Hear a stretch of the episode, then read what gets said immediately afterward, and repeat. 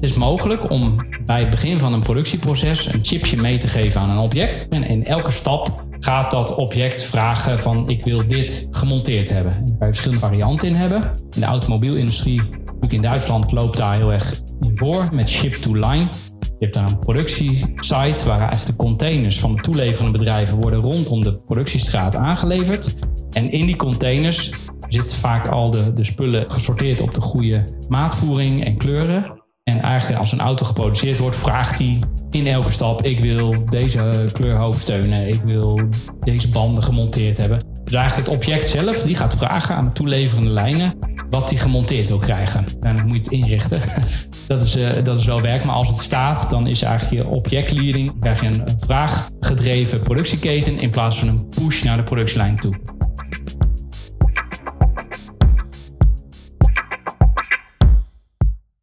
Je hebt zojuist geluisterd naar een fragment van mijn gesprek met Daan Tenel. Daan is directeur van het bedrijf alltrace.com dat zich richt op Internet of Things oplossingen. Daan is tevens eigenaar van het bedrijf ReorderKit dat zich focust op RIVD-technologie en elektronische kanbanborden. Deze podcastserie hoort bij het project QRM 4.0 dat zich richt op mensgerichte procesinnovatie en innovatieve digitale technologieën. De mensgerichte procesinnovatie wordt ook wel Quick Response Manufacturing genoemd en innovatieve digitale technologieën worden ook wel aangeduid met Industrie 4.0. Deze podcastserie wordt mede mogelijk gemaakt door cofinanciering en sponsoring van verschillende partners, zoals het Europees Fonds voor Regionale Ontwikkeling voor de regio Maas-Rijn, het Nederlandse ministerie van Economische Zaken en Klimaat en ook de Nederlandse provincies Brabant, Limburg en de Belgische provincie Wallonië. Een eerste doelstelling van het project QRM 4.0 is kennis te delen vanuit de projectpartners. Een tweede doelstelling is om ook kennis op te halen bij bedrijven die nog niet aangesloten zijn bij project QRM 4.0. Deze aflevering sluit aan bij die tweede doelstelling. We praten niet alleen over vraaggestuurde productieketens en Internet of Things oplossingen zoals LoRa en Ultra Wideband. Ook legt Daan uit hoe je met blockchain-technologie waarde kan toevoegen aan je productieketen, waardoor je niet alleen transparant bent naar toeleveranciers en klanten, maar met diezelfde blockchain-technologie kan je ook een hogere prijs bedingen voor jouw product bij jouw klant of eindverbruikers. Razend interessant toch? Kortom, het is een zeer dynamisch gesprek met interessante onderwerpen en ik was geboeid vanaf het begin tot aan het einde. Dus mijn advies, pak een kop koffie, thee of een glas water, zodat je het gesprek helemaal kan beluisteren tot aan het einde. Mijn naam is Ronald Scheer en ik wens je veel plezier bij het luisteren naar mijn gesprek met Daan Tenel. Welkom Daan. Hey Ronald, nou bedankt eh, voor de uitnodiging om hier eh, met jou over Industrie 4.0 te praten. Dankjewel. Yes, en voor de luisteraar die jou nog niet kent, Daan, kun je uitleggen wie je bent en wat je doet? Uh, nou, ik weet niet hoe lang we hebben, maar om het een beetje kort te houden. Ik ben ooit na mijn studie uh, werktuigbouw en uh, technische bedrijfskunde ben ik in 1998 ben ik in aanraking gekomen met, met RFID als technologie. En in de loop van de jaren is dan Internet of Things daaruit geboren. En dat was bij een Japans bedrijf. En het idee is om logistieke processen te optimaliseren binnen de industrie. Dat was een uh, industrial automation company uit Japan. En ik ben daar begonnen om als business development in Europa RFID-systemen aan de man te brengen. En dan kom je bij heel veel uiteenlopende bedrijven terecht, van uh, producenten van brandkasten tot kledingketens, tot machinebouwers en bijvoorbeeld de grote chipmachinefabrikant in Veldhoven. Uiteenlopende klanten, hartstikke leuk. Uh, dat heb ik een aantal jaar gedaan. Uh, veel gereisd in Europa, veel gezien, veel verschillende zaken gezien. Vanuit de technologiehoek. En daarna ben ik meer de oplossingenkant opgegaan. Dus via een system integrator. Dat betekent pak technologie die voorhanden is, lever de software bij en diensten als turnkey solutions voor uh, diverse partijen. En een tussenstap gemaakt bij een consultancybedrijf om ook nog netjes uit te leggen wat de voordelen zijn van dit soort systemen. Los van dat technologie een mooi begrip is.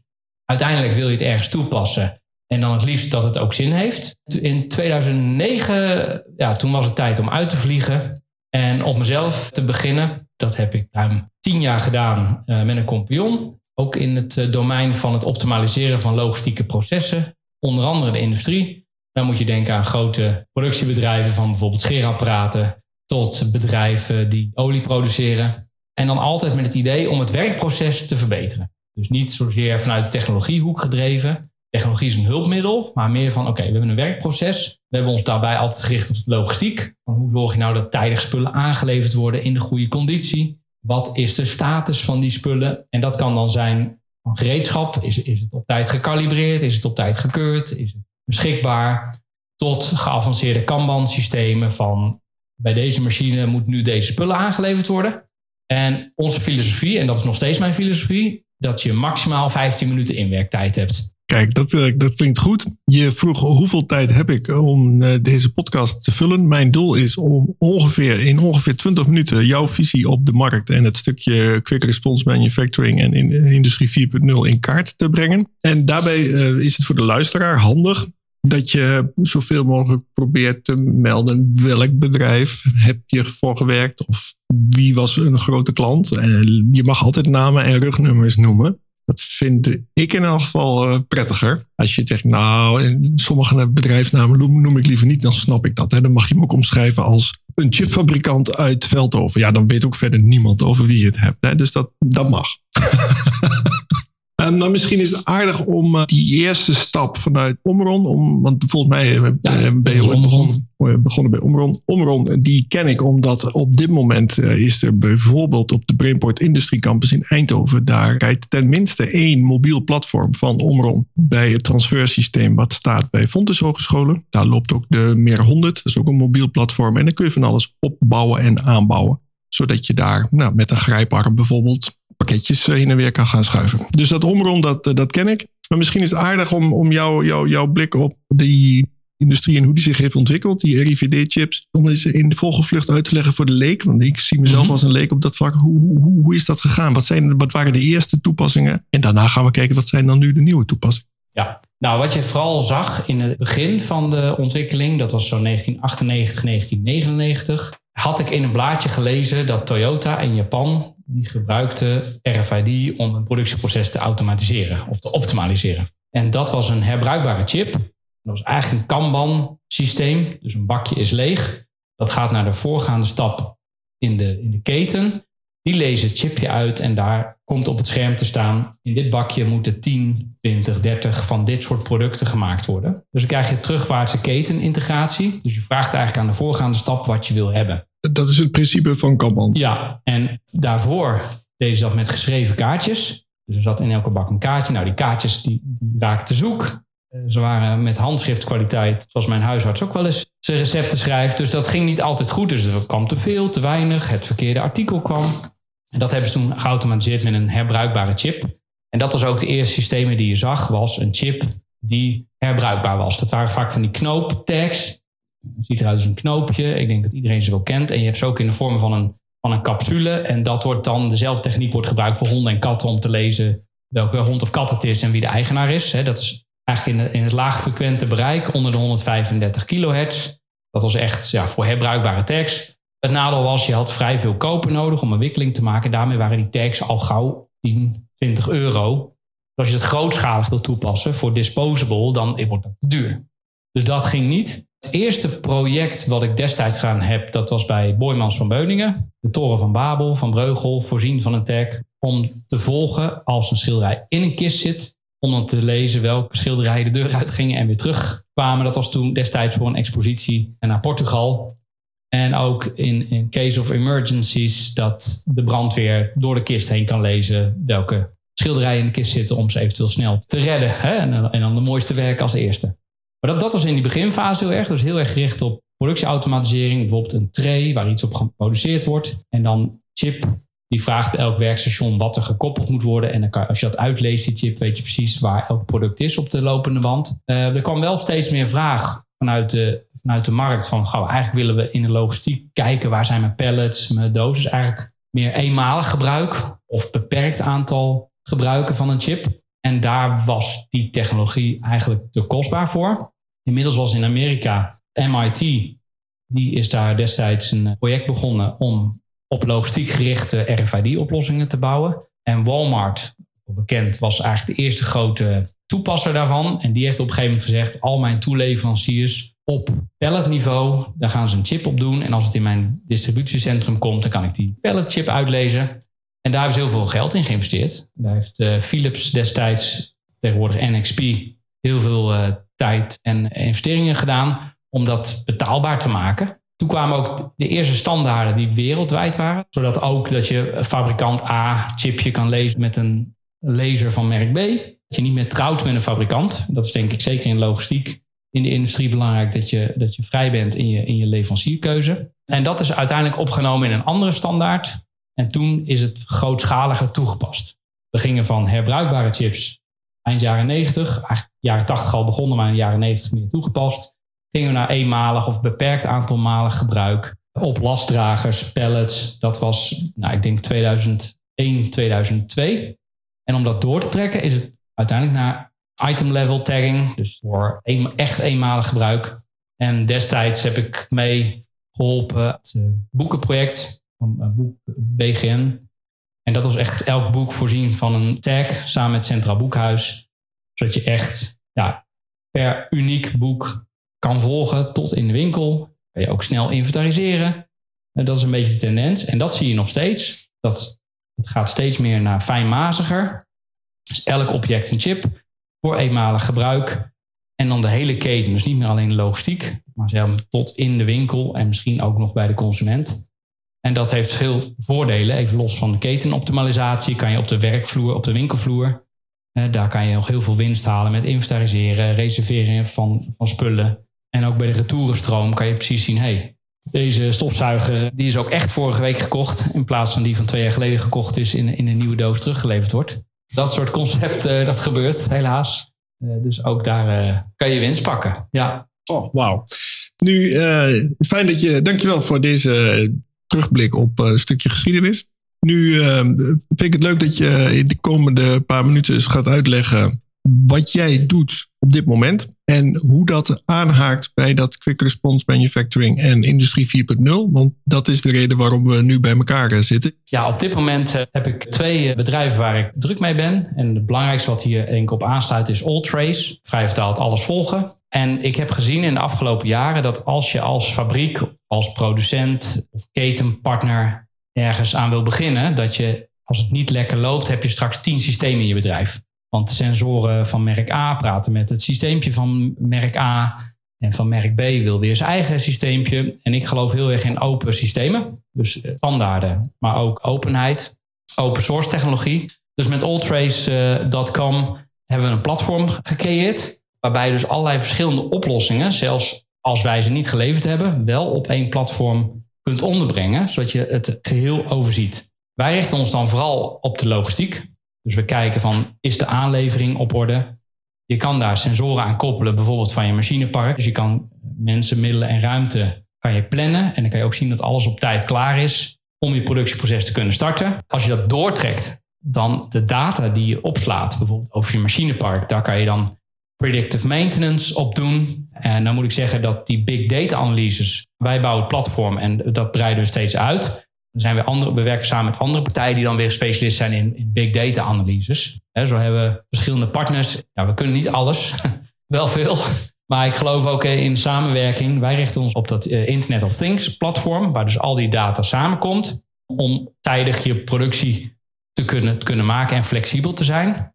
En daaronder, onder uh, Alltrace, is een niche oplossing ontstaan, Reorder It. En daarmee hebben we een Kanban bestelbord ontwikkeld wat in de voorraadruimte hangt of bij de voorraad. Zodat als de voorraad op is, bij een twee-bin Kanban systeem, een bakje is leeg, dan zit er een chipkaartje op en dat plaats je op dat bord. En dan wordt dat product voor jouw machinelijn besteld. En het voordeel daarvan is dat iemand niet type nummer hoeft op te zoeken, de aantallen voor welke ruimte. Daar zit een mooi touchscreen in verwerkt, zodat er ook terugkoppeling is naar de gebruiker.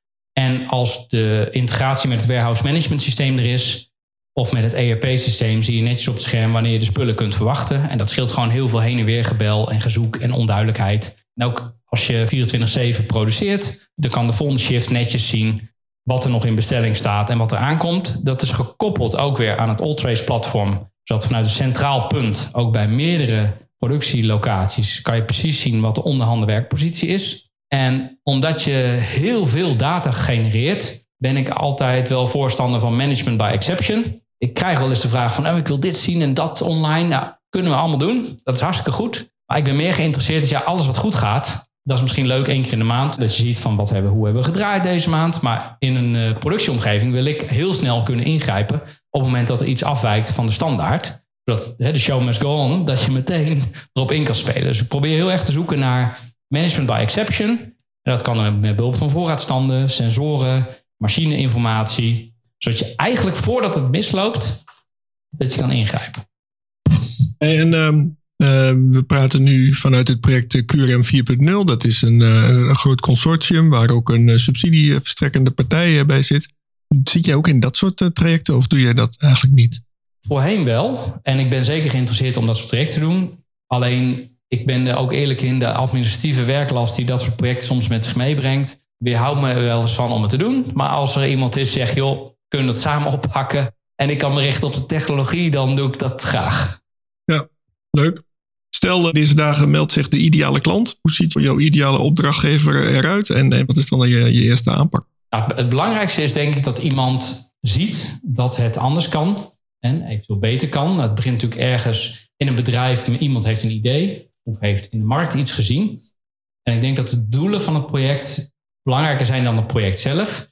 En een valkuil van technologie is, iemand leest iets of via Google of een nieuwsbrief en dan, nou, dat is de heilige graal. Dat kom ik best veel tegen. Dus iemand zegt, ja, ik wil een RFID-oplossing. Of ik wil een ultra-wideband-oplossing. Of ik wil een LoRa-systeem. Zodat ik alles kan uitlezen. Nou, op zich is het goed, want iemand is getriggerd door een technologie. En ergens in zijn achterhoofd denkt hij, oh, dat is voor mij toepasbaar. Maar ik ben vooral geïnteresseerd in, wat ga je daarmee bereiken? Want technologie is, is een hulpmiddel en niet, dat gaat je project niet maken of breken. Sterker nog, als je in je procesgang, in je productieproces de zaken niet op orde hebt... en je brengt daar ook nog een nieuwe technologie in is mijn ervaring dat het alleen maar slechter wordt. In, zeker in het begin. Dus het is zaak om heel voorzichtig te kijken.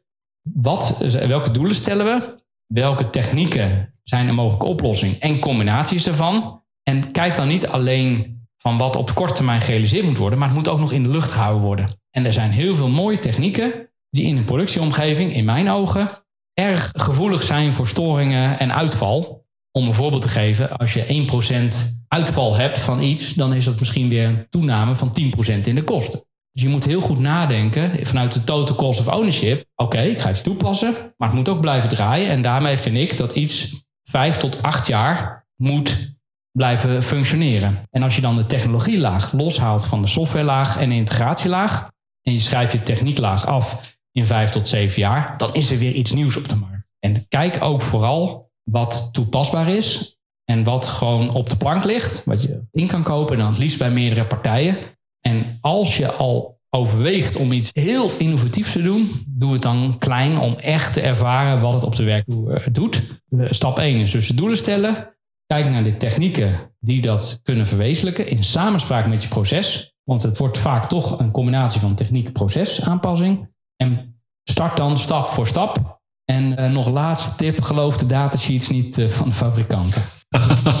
ja, dat is een hele goede tip. Het is uh, aan mij de taak om moeilijke begrippen uitgelegd te krijgen. En je hebt onder andere genoemd Ultra Wideband en LoRa. Nu weet ik dat Fontes Hogeschool in Venlo zich bezighoudt met de LoRa-technologie. Waarbij volgens mij was het zo dat er een, je kan bijvoorbeeld een sensor in je fiets plaatsen. En die geeft dan één keer per nou ja, uren of dag geeft hij een signaaltje af. Eh, dat je weet waar je fiets is. Of mijn boot staat onder water. Dat op het moment dat hij, eh, dat hij dan een signaaltje geeft. Dat is dus niet permanent verbonden met het internet. Dat is wat ik onthouden heb van LoRa. Maar jij kan het vast beter uitleggen. Ja, ja LoRa is eigenlijk een, een netwerk wat gebaseerd is op mobiele technologie. Dat je op grote afstand een sensorsignaal kunt uitlezen.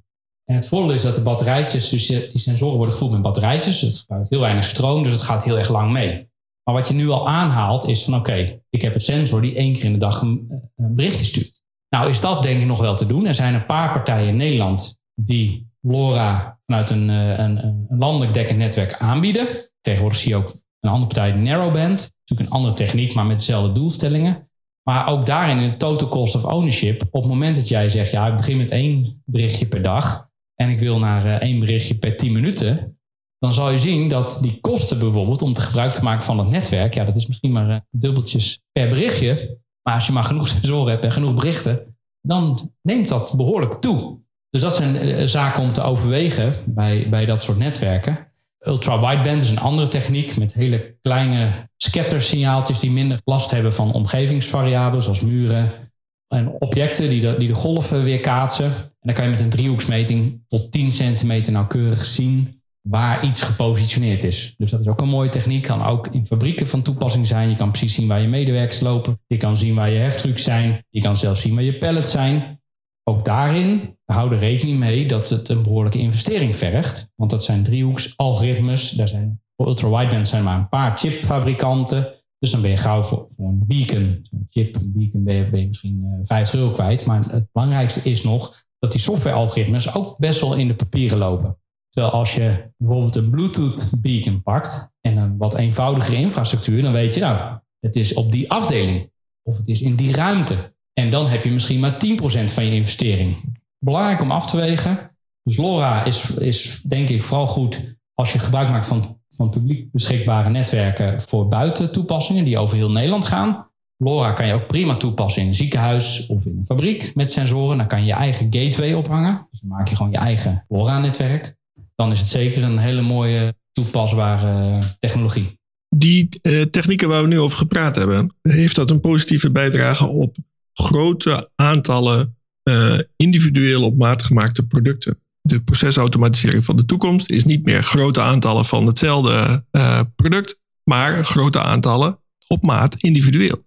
Ja, eigenlijk massa-maatwerk, dat is dan waar je op doelt, denk ik. En dat is mogelijk om bij het begin van een productieproces een chipje mee te geven aan een object. Dat je gaat produceren. En in elke stap gaat dat object vragen van ik wil dit gemonteerd hebben. En daar kan je verschillende varianten in hebben. In de automobielindustrie, natuurlijk in Duitsland, loopt daar heel erg in voor hè, met ship to line. Je hebt daar een productiesite waar eigenlijk de containers van de toeleverende bedrijven worden rondom de productiestraat aangeleverd. En in die containers zit vaak al de, de spullen gesorteerd op de goede maatvoering en kleuren. En eigenlijk als een auto geproduceerd wordt, vraagt hij in elke stap: ik wil deze kleurhoofdsteunen, ik wil deze banden gemonteerd hebben. Dus eigenlijk het object zelf, die gaat vragen aan de toeleverende lijnen wat hij gemonteerd wil krijgen.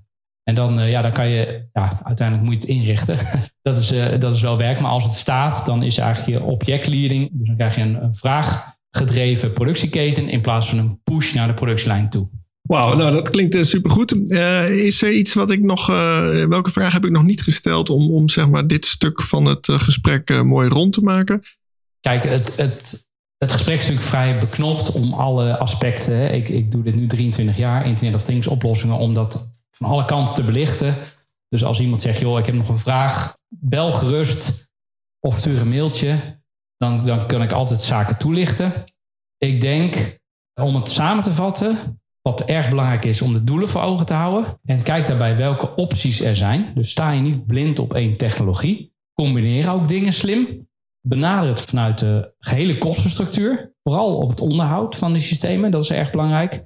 En uiteindelijk gaat het om technologie, maar je kan niet zonder mensen. Dus als er een technologie is die technisch goed werkt, maar te complex is voor mensen om ermee te werken, dan lukt het ook niet. Dus die, die 15 minuten inwerktijd, dat is bij ons echt heilig. Want als het in een kwartier niet uit te leggen is, dan heb je straks een heel mooi systeem wat het, wat het niet doet. En het mooiste is om, om systemen te realiseren waarvan klanten zeggen: Dit had ik echt jaren eerder moeten doen.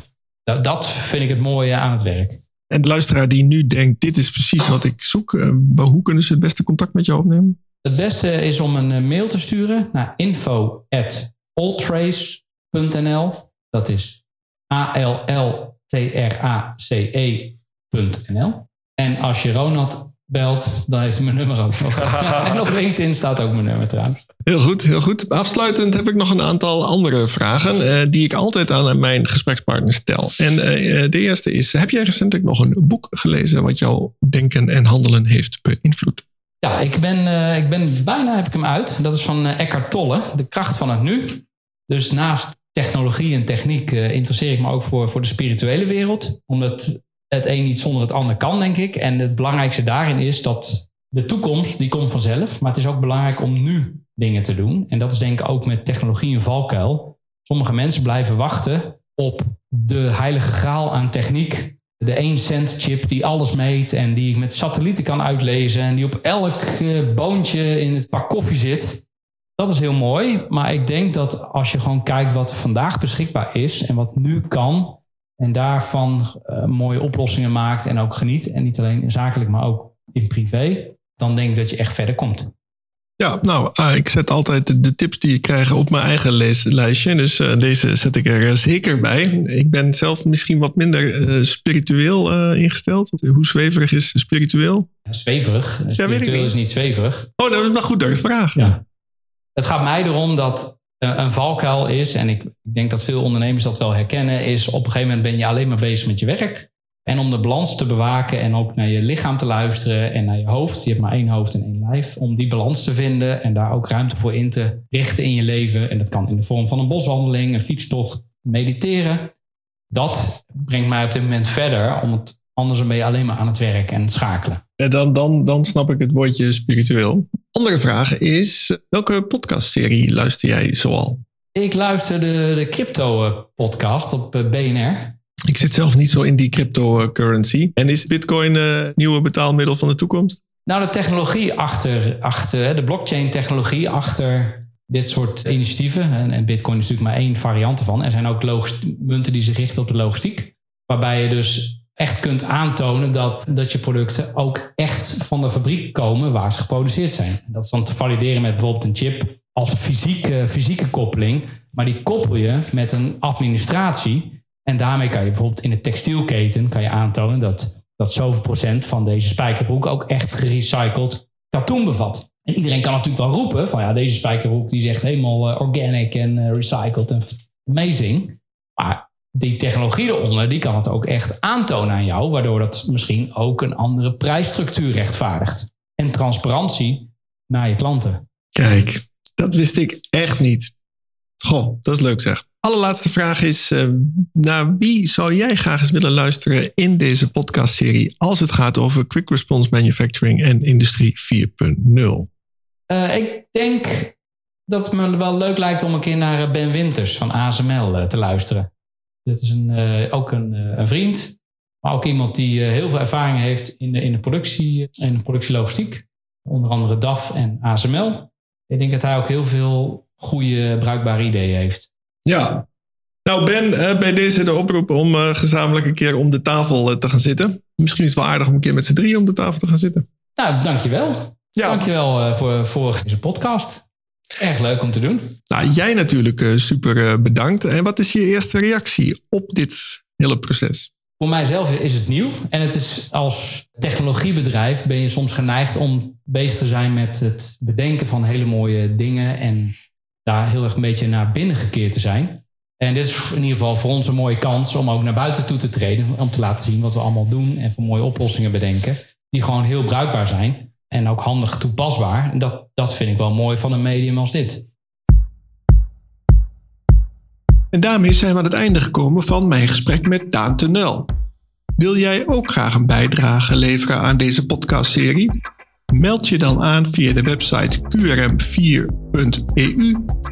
En uiteraard kan je mij ook online vinden en een berichtje sturen. Ik kijk ernaar uit en wie weet maken wij binnenkort samen een aflevering voor deze podcastserie. Dat gesprek kan plaatsvinden bij jou op kantoor, kan bij mij in de studio in Den Bosch of makkelijk online. Dank voor het luisteren en vergeet je niet te abonneren op deze podcastserie, want binnenkort staat er een nieuwe aflevering voor je klaar. Graag tot.